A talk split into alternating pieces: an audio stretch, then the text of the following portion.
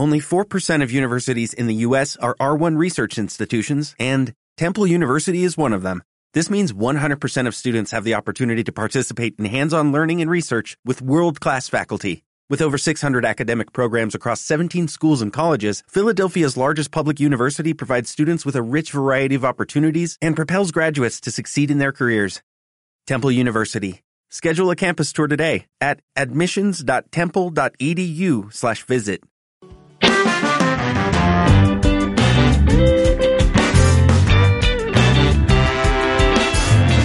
Escoltes Ona Mediterrani, des de la 88.8 de la freqüència modulada.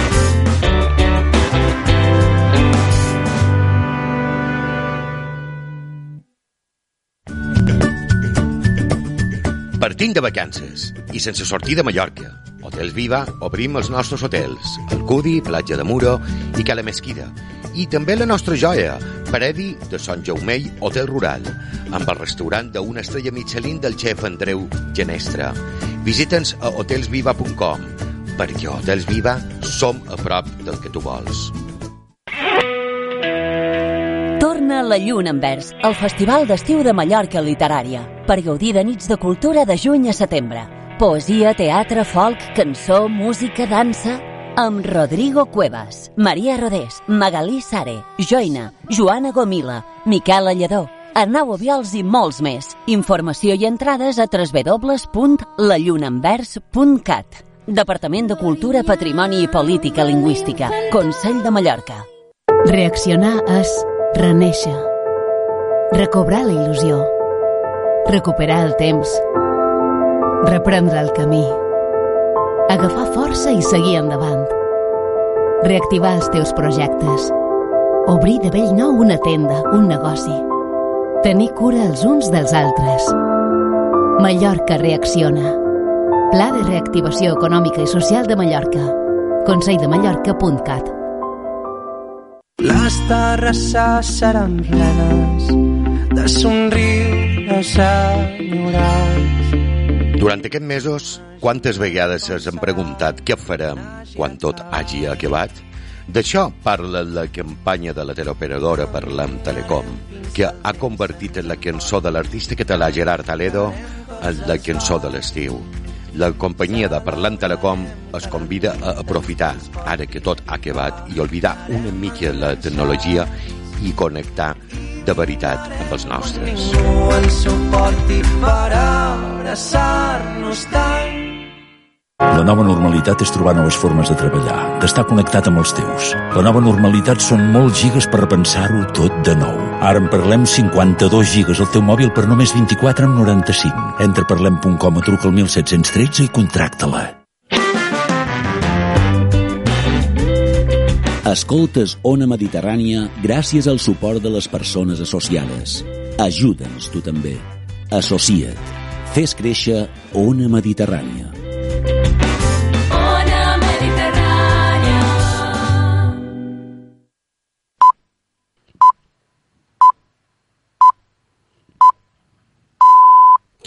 Benvingudes al Tramponet d'estiu.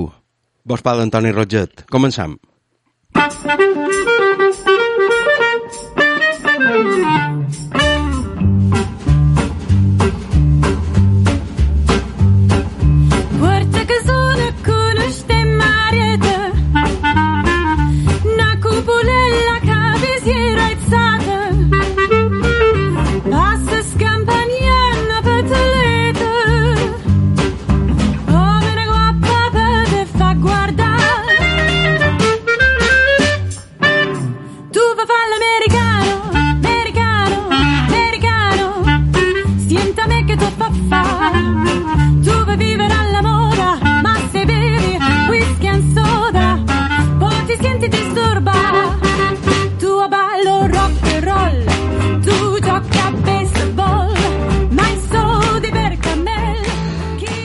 ara a les 9 i 4 minuts d'aquest dijous 23 de juliol és el moment de fer aquest repàs a la premsa digital del dbalears.cat que diu a Quim Torra diu hem de tornar a organitzar un referèndum d'autodeterminació que ens podria unir a tots. Pel que fa al diari Última Hora, en paper Resalta la notícia que diu els centres de salut estan saturats per les consultes telefòniques. I pel que fa al diari de Mallorca, diu la universitat impartirà classes presencials rotatòries en els cursos de més de 70 alumnes.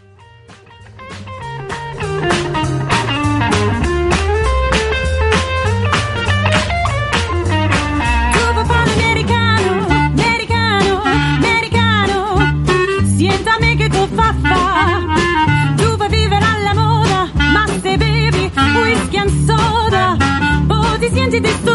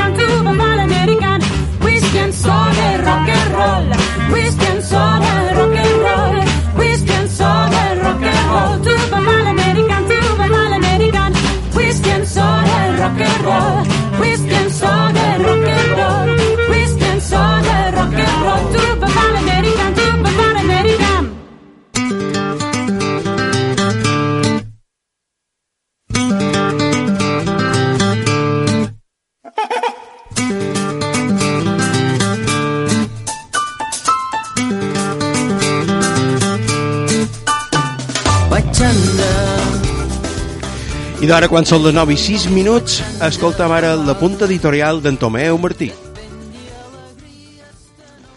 Aquest dijous, finalment, els llibres tornen a sortir als carrers de Palma i d'altres poblacions de Mallorca. Entre la múltiple oferta hi trobareu una col·lecció de poesia que, modestament, s'obri camí, titulada 31D Poesia, i de la qual en formen part els llibres Retaule sutjós de la Mallorca continental, de Marcel Piquesteva, Miloques i rebasses, de Clara Fiol Dols, i en un alet en breu, diàleg de proverbis amb Joan Alcover, de Miquel Ripoll Perelló.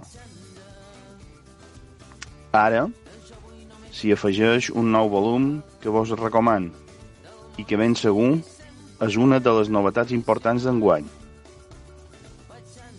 Turista Zero, d'Agnès Llobet Deià. És el cinquè poemari de l'autora i pren la forma d'un passeig poètic que va des del Megaparc fins a la capella de Sant Pere. El llenguatge poètic ens serveix per arribar allà on la prosa no arriba, per al·ludir allò que ens supera o ens fa mal. I n'Agnès Llobet vesteix aquest excel·lent viatge poètic per aquest tros de palma, per aquesta part de Mallorca que ens dol, a base de poemes que descriuen i evoquen aquest costat de terra ferida. Però Turista Zero també és un trànsit per la bellesa i el coratge dels qui, malgrat l'aclaparament, sobreviuen a la devastació. I arriba la música, traspassa el vent, metàl·lica, la seva mística vibració. Aquí, els herois, aquí, els caiguts, els combatius, els devastats. Som un dels supervivents avui. Som la turista zero.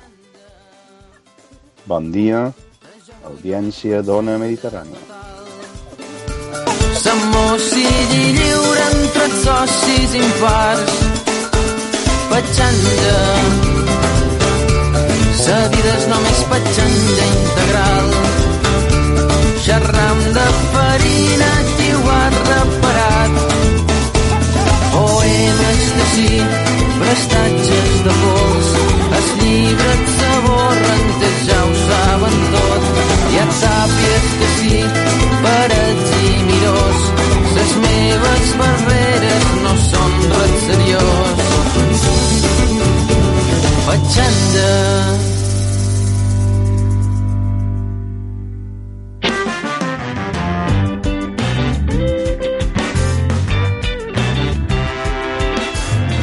Escoltes Ona Mediterrani des de la 88.8 de la freqüència modulada.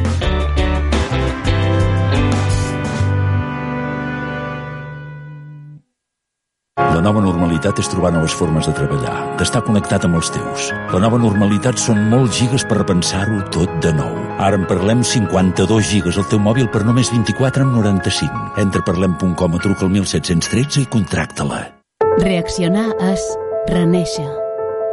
Recobrar la il·lusió. Recuperar el temps. Reprendre el camí.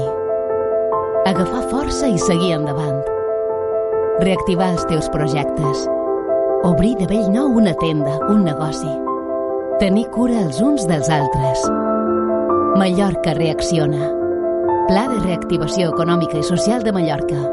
Conselldemallorca.cat Les terrasses seran plenes de somriures Durant aquests mesos, quantes vegades s'han preguntat què farem quan tot hagi acabat? D'això parla la campanya de la teleoperadora Parlam Telecom, que ha convertit la cançó de l'artista català Gerard Aledo en la cançó de l'estiu. La companyia de Parlant Telecom es convida a aprofitar, ara que tot ha acabat, i oblidar una mica la tecnologia i connectar de veritat amb els nostres. Ningú ens suporti per abraçar-nos tant.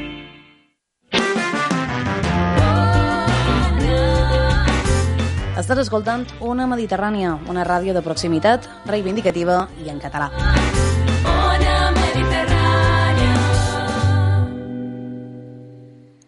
I ara, quan són les 9 i 11 minuts d'aquest dijous 23 de juliol, és el moment de saludar el president de la companyia Parlem Telecom, el senyor Ernest Pérez Mas. Molt bon dia. Molt bon dia. Molt bon dia i gràcies per atendre, com sempre, una Mediterrània, senyor Pérez Mas. Estem immersos eh, aquests dies en la campanya 2020 eh, de Parlem Telecom a través dels mitjans de comunicació. Però jo la primera pregunta que li volia fer és com neix la campanya, la companyia, la companyia Parlem Telecom? Ah, La, la, la companyia Parlem Telecom doncs, neix l'any 2014, Mm -hmm. Concretament doncs, el, el juliol, ens constituïm com a companyia i comencem a operar el desembre del 2014, doncs a base de, de la meva idea de buscar alguns inversors amb diners i algun soci industrial que ens expliqués eh, el que posés la tecnologia per començar a treballar. I així vam néixer, el 2014, amb la primera operació el 2015. Uh, per què vostè eh, va agafar la idea de- d'organitzar i de uh, fer una empresa de telecomunicacions uh, de caràcter català, catalana? Doncs perquè uh, jo soc enginyer de telecomunicacions i he estat treballant durant 20 anys en multinacionals, anant un cop a l'altre d'Europa sobretot, però també a altres parts del món, i un dia en una fira a Madrid, concretament em sembla que era el 12 de setembre del 2012, just l'endemà de la gran manifestació que va haver a Barcelona, la primera de tota aquesta sèrie, doncs uh, vaig arribar a una fira i vaig veure que no hi havia cap operador de telecomunicacions virtual, que són els que fan servir la xarxa llogada amb un operador que en tingui, els Mhm. quatre que n'hi ha, Mhm. i vaig pensar que n'havia de fer una, perquè si tenim una economia diversificada, moltes empreses, doncs calia que hi hagués un operador que al final és una eina de, és una eina de país, no? qualsevol país té una operadora pròpia, doncs a Catalunya calia que n'hi hagués una. Mhm. I aquesta va ser la idea, vaig començar a escriure en el tren de tornada al pla de negoci i després doncs, començar a buscar inversors, començar a buscar socis, eh, gent que pogués posar-ho en marxa, i així va néixer. Uh, què és allò que distingeix Parlant Telecom de les seves competidores, senyor Ernest? Doncs eh, en, en aquest mercat eh, n'hi ha tres tipus de companyies. Mhm. Les companyies que en diuen premium, és a dir, les que costen molts diners i que en teoria t'ho donen tot, no? les tres o quatre grans conegudes. Després hi ha les companyies low cost, que són les que et donen pocs serveis eh, i que et donen a un preu molt barat.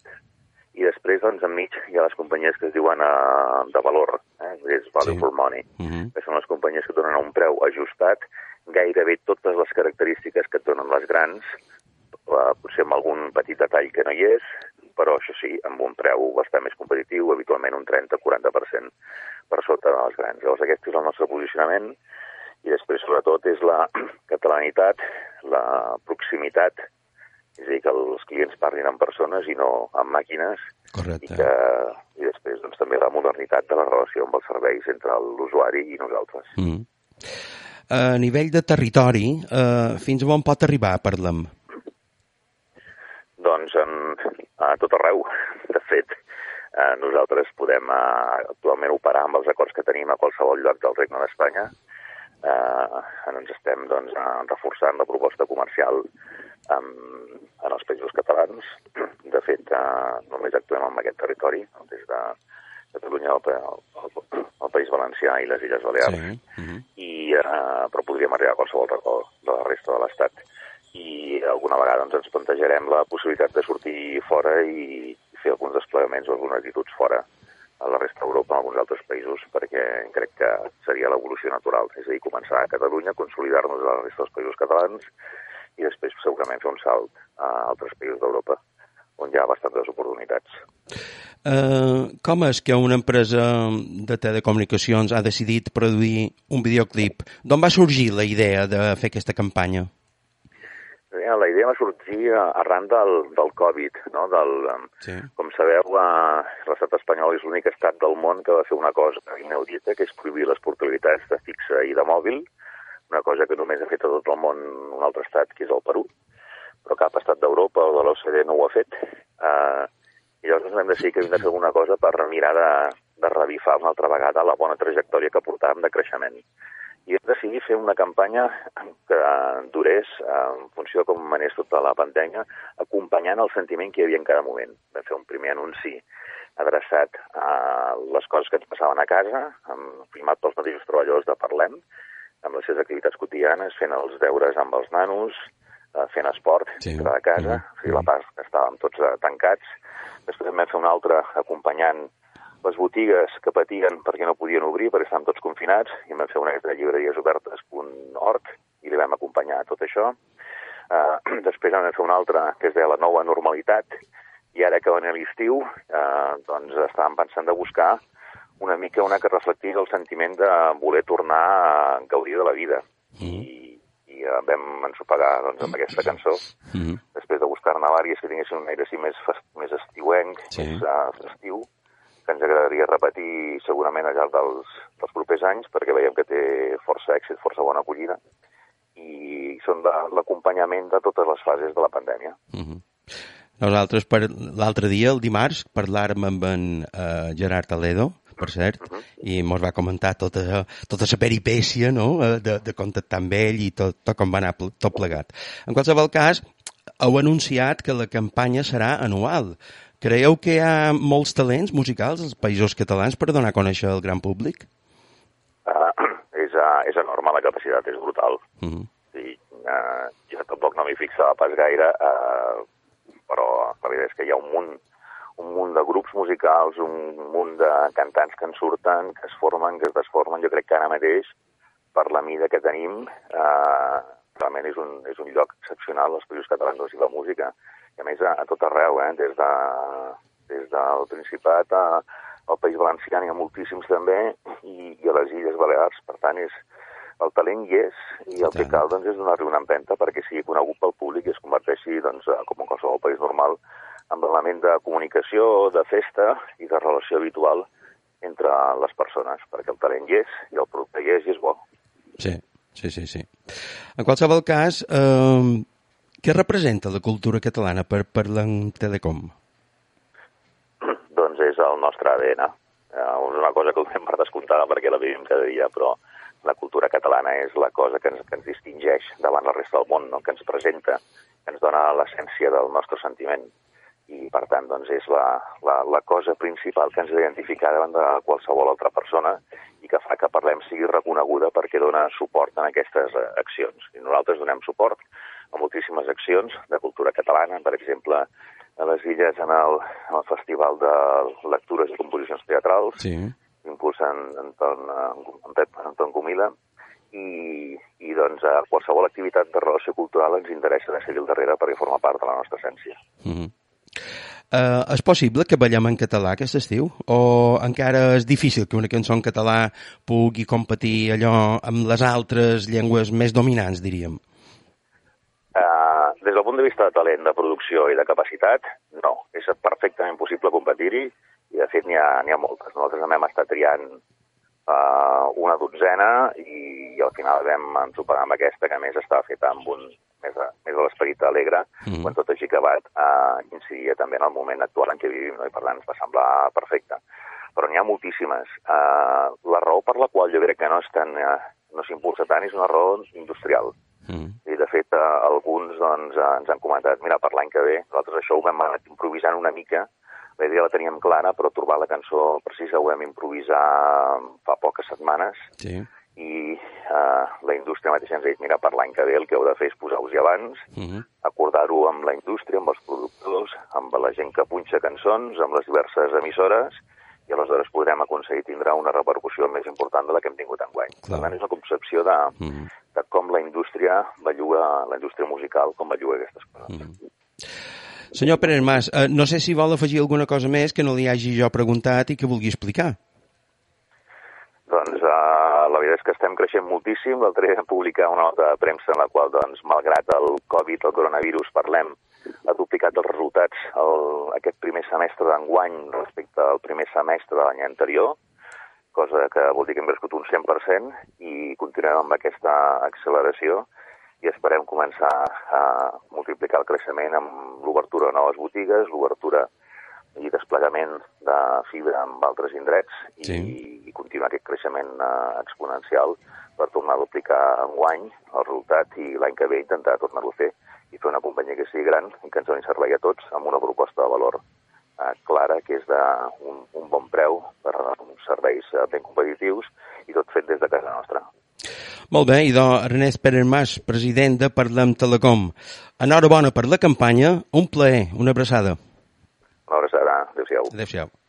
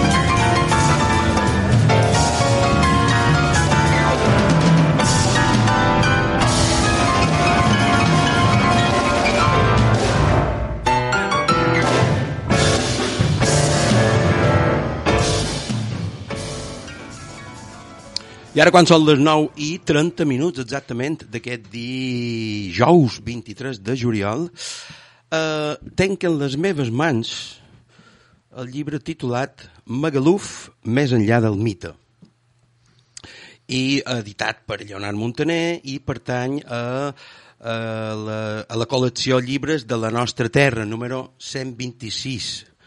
Eh, els autors del llibre són Antomeu Canyelles i en Gabriel Vives, un cerverí i un portolà. Bon tàndem. Bon dia, Tomeu Canyelles. Bon dia, Gabriel Vives. Bon, dia, bon dia, Toni. És un gust tenir... Eh, de vegades tenir l'autor perfecte, eh, aquest dies per telèfon, també perfecte, però tenir-los aquí, això ja és stop. Per un locutor jo. No, el, el gust és nostre també veure-nos de tant en quant, que això està sempre bé i, i bé. Uh, han passat una temporada, francament, uh, conflictiva. eh? Això, ja, ja tindrem temps, ja tindrem temps de- d'esbrinar de, tot això. Abans d'entrar en matèria, Tomeu i Gabriel, digueu-me quan, on i com sorgeix la idea de fer aquest estudi i qui ho digué aquí. bueno, aquesta pregunta és bona, ja, ja és, un, és un bon primer punt I veig que me'n vaig anar a veure tard, jo. Jo, mem, uh, en Biel i jo som historiadors. Vull dir, ja, ja és el primer punt de partida. Que, I, a més, historiadors pintura que ja amb un interès pen... que va més enllà de- de- d'entendre la història com una cosa morta, sinó la pintura cosa viva. Tant. Vull dir, al final, la història se veu cada dia en el carrer, eh? encara que no en siguem plenament conscients. Uh, en Biel col·laborava o, o va impulsar en el seu moment uh, un, uh, un mitjà satíric que és Foc i Fum i Pintura en aquell moment va, va sorgir la idea jo crec que vam, t'ho vaig proposar no? podríem fer alguna cosa sobre sensacionalisme Exacte.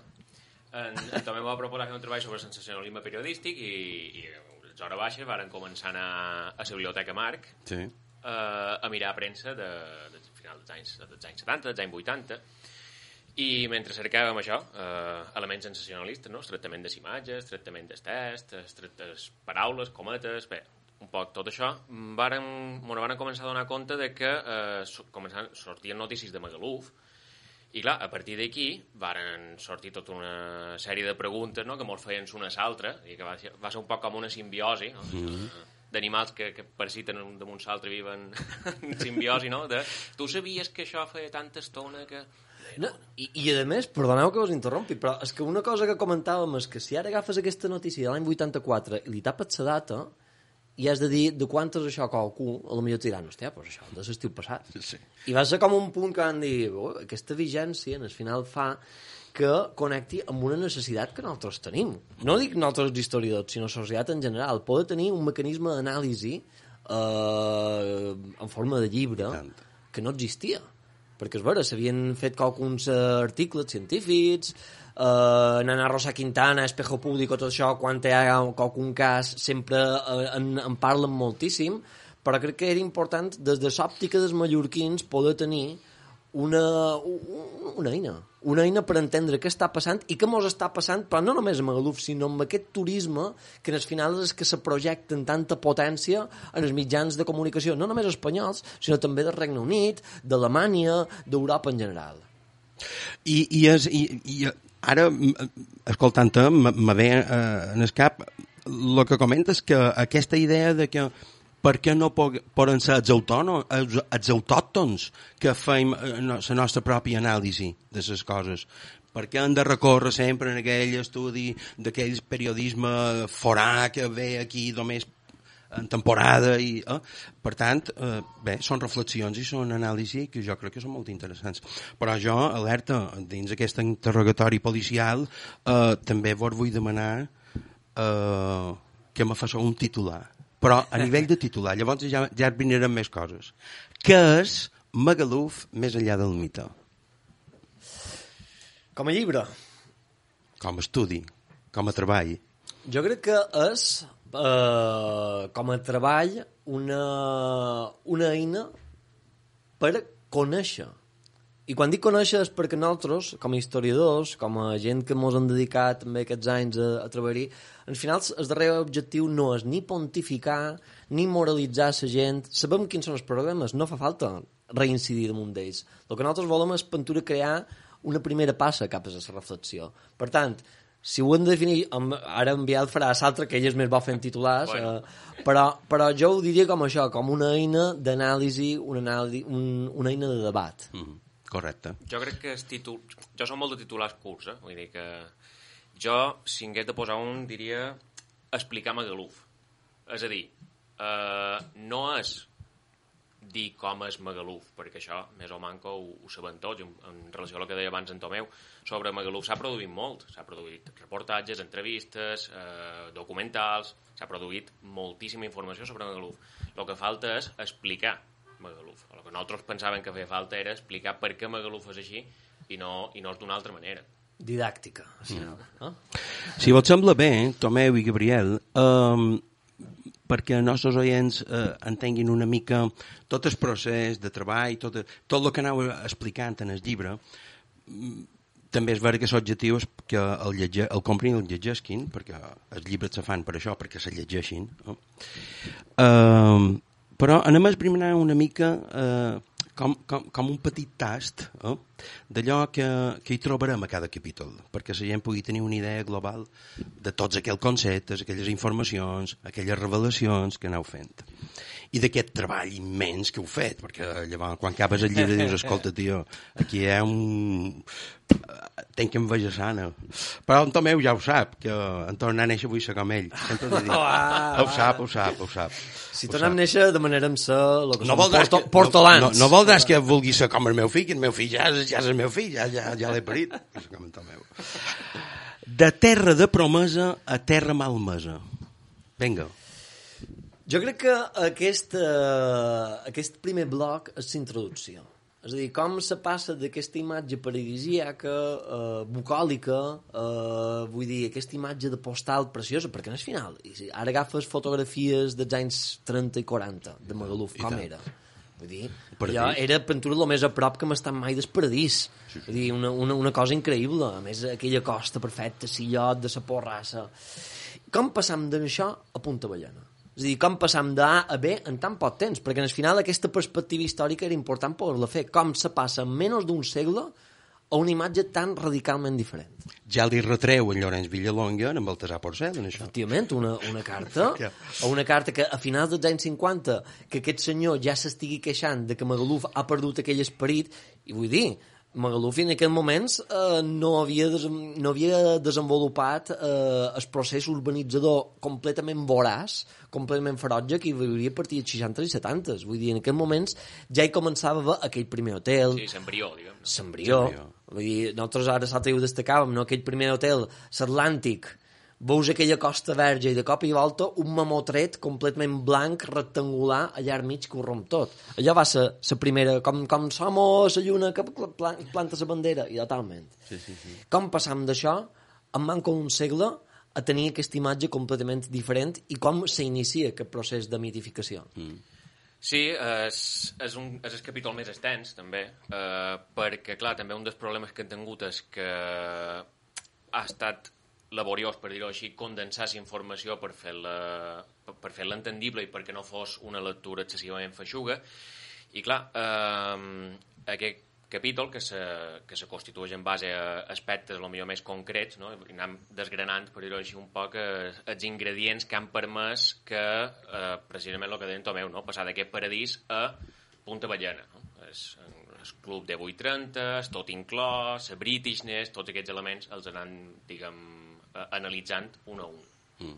qualsevol cas, jo quan vaig començar el llibre, al principi, evidentment, perquè aquest capítol Terra de Promes me va fascinar. Se. És vera, eh, eh, dius, ostres, tu... Mm, I és el que dèiem abans.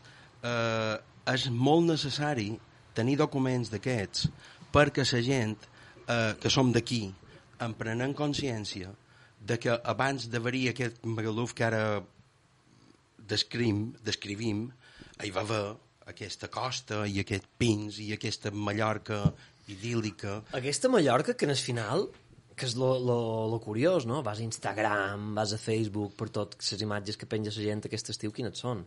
Aquestes costes verges, aquesta aigua neta, I tant. uh, aquesta soledat d'una platja. Ara tothom està, molt, uh, està com molt orgullós d'això, tot i la tragèdia que estem vivint no només a nivell uh, sanitari, sinó també econòmic. Oh? Cert. Vull dir, al final és curiós que nosaltres associem com a la nostra imatge d'orgull en aquesta imatge de fa 80 anys. No deixa de ser una gran paradoxa. I tant, i tant. Ha fet falta que hi hagués aquest, a, a, aquesta pandèmia per, per descobrir aquell territori que va ser. Oh? Sí, exacte, i, i molta gent que, que la sents comentar per, per, per bar o per qui bon sigui, de, ah, és que ara podem anar a segons quines platges. I dir que això també és, és un poc el que deia ell, no? és intentar recuperar aquella Mallorca perduda, entre cometes. De totes maneres, hem de dir als oients que dins aquest capítol hi ha molt d'intríngulis i molt de trull que ja ho esbrinaran ells i ja ho llegiran ells. No, vull dir, ara tampoc no, no faran tots els spoilers del món, però aquí hi ha un trull important en aquest capítol. Eh?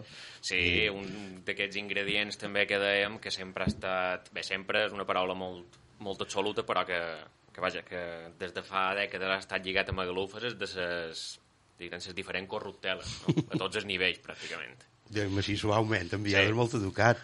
Sí, jo no tant, però és vera, és vera que allà hi va un gran impàs. Fixem-nos una cosa, a nosaltres ens agrada també treballar molt i hem incidit molt perquè la gent entengui que en el final aquest Magaluf que nosaltres veiem avui és conseqüència d'una cosa que se va començar a gestar en els 70 i els 80. Mm. Els 70 és un període fascinant per dues raons.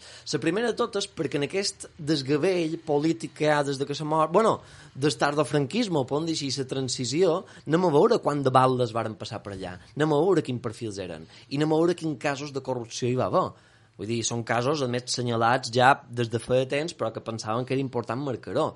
Però més enllà de les corrupteles que hi podia haver, anem a entendre també que aquest model comença a, a configurar-se en els 70s, que és un moment econòmicament fascinant. Primer de tot, per la crisi de petroli de l'any 73, mm. i segon, per la crisi industrial de l'any 78. Mm. Vull dir que en aquell moment, que tothom va ser conscient que en aquell... Va, va ser la primera gran crisi turística que varen viure. Sí. Just havien començat eh, a entendre que era el turisme i ja varen viure un primer cop.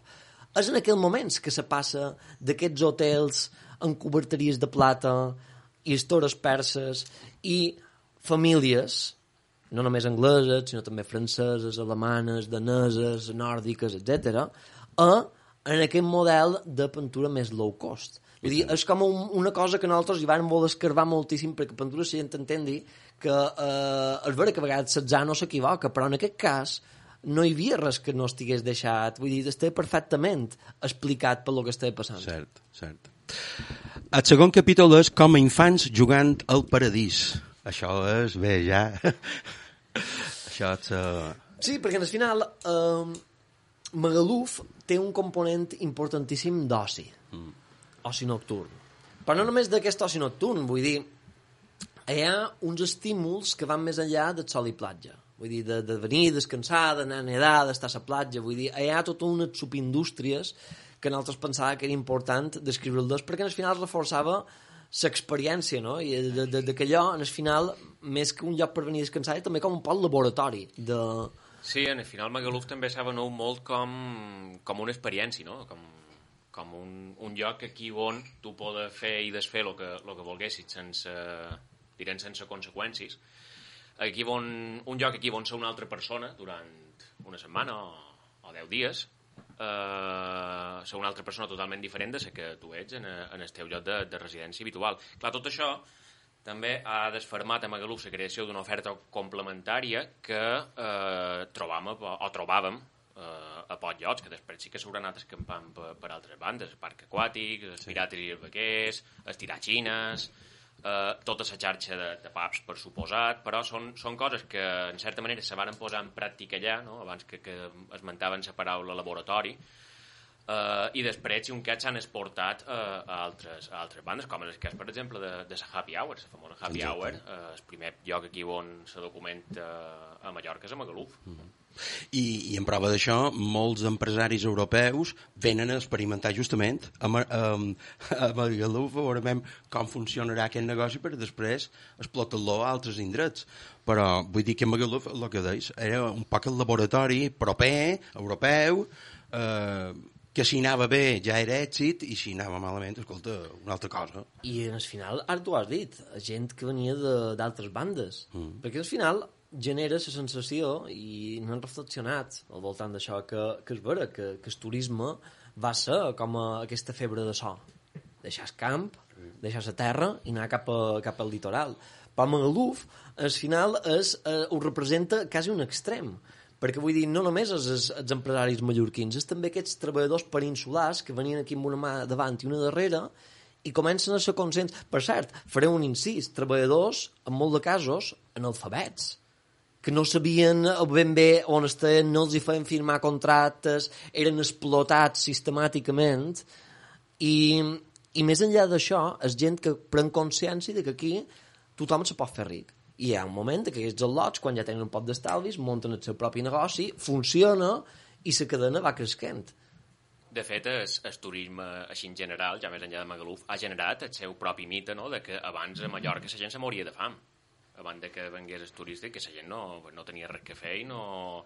I vaja, que home, que, que això, que era un desert total, no?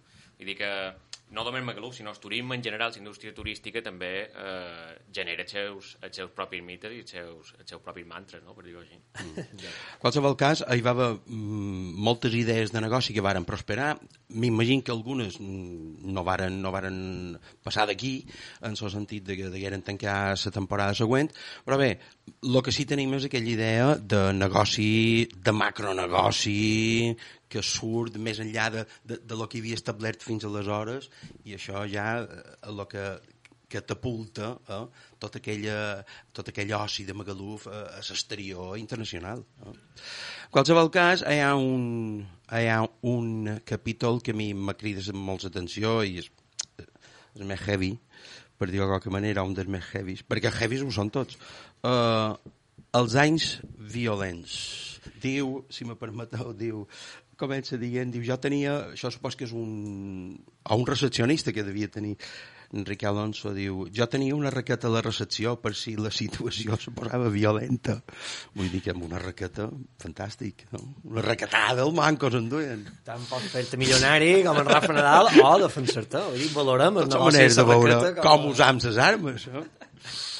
No, la veritat és que aquest és un dels capítols que jo crec, no sé si en Tomeu estirà d'acord, que, que més han gaudit. De fet, és un pot l'embrió del llibre. Sí. Nosaltres ja a les jornades de- d'estudi de, local de Calvià ja varen publicar un petit article sobre l'origen concret del hooliganisme mm. eh, a Magaluf, i a partir d'aquest treball varen desenvolupar aquest capítol, i la veritat és que és, és un capítol molt divertit, perquè clar, eh, només de narrar, de, de, de recollir anècdotes de, de persones entrevistades, sobretot, però també de premsa de l'època, sobre hooligans que destrossen mobiliari, que tiren els mobles de l'hotel a la piscina, que se dediquen a, a cagar dins l'ascensor eh, directament, o tirar mostassa i ketchup per damunt els cotxes. Bueno, és, és un capítol que, que jo crec que és, que és força entretingut. Mm.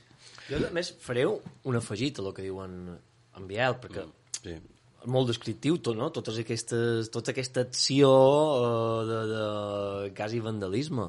Però ja hi ha una frase que sempre m'ha- fascinat, i recollida en aquest capítol, d'un empresari anomenat uh, Paul Smith, una frase dita fa un parell d'anys, i era durant 35 anys hem tingut hooligans. Mos han convertit en un dels municipis més rics de tota Europa. Per què hauríem de canviar?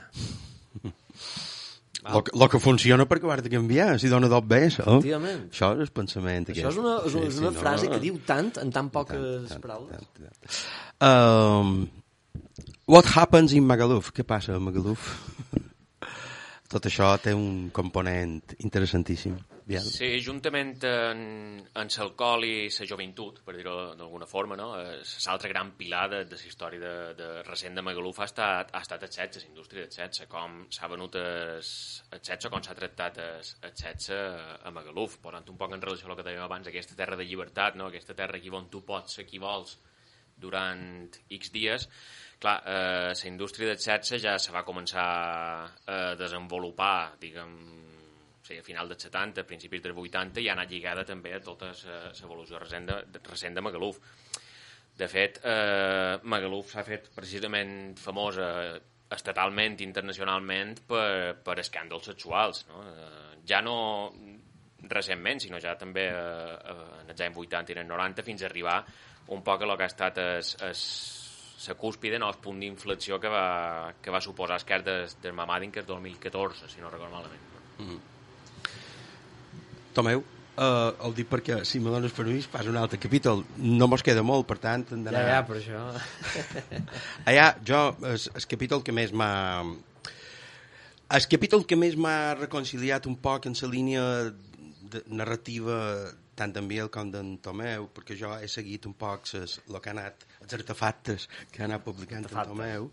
Um, ho, resumeix tot aquí, diu la lenta construcció d'un mite. I, i aquí en, en aquest capítol sí que crec jo, ja me rectificareu que eh, el relat de la premsa i el relat de la mass media és, és determinant, a Tomeu És determinant perquè en el final eh, quan s'han obert tantes possibilitats dins l'àmbit digital a partir d'informació, vull dir, no només ja hi ha diaris en paper, són digitals, hi ha setmanaris digitals, hi ha podcast, hi ha, hi ha moltes formes de poder-nos informar.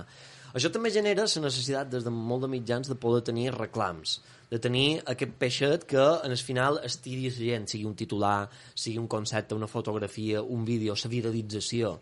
La gent en el final ha, ha ajudat a construir aquest mite també estirant fins a límits que nosaltres pensam que dins, èticament dins el periodisme eh, no són pintures més desitjables, eh, creen altres realitats.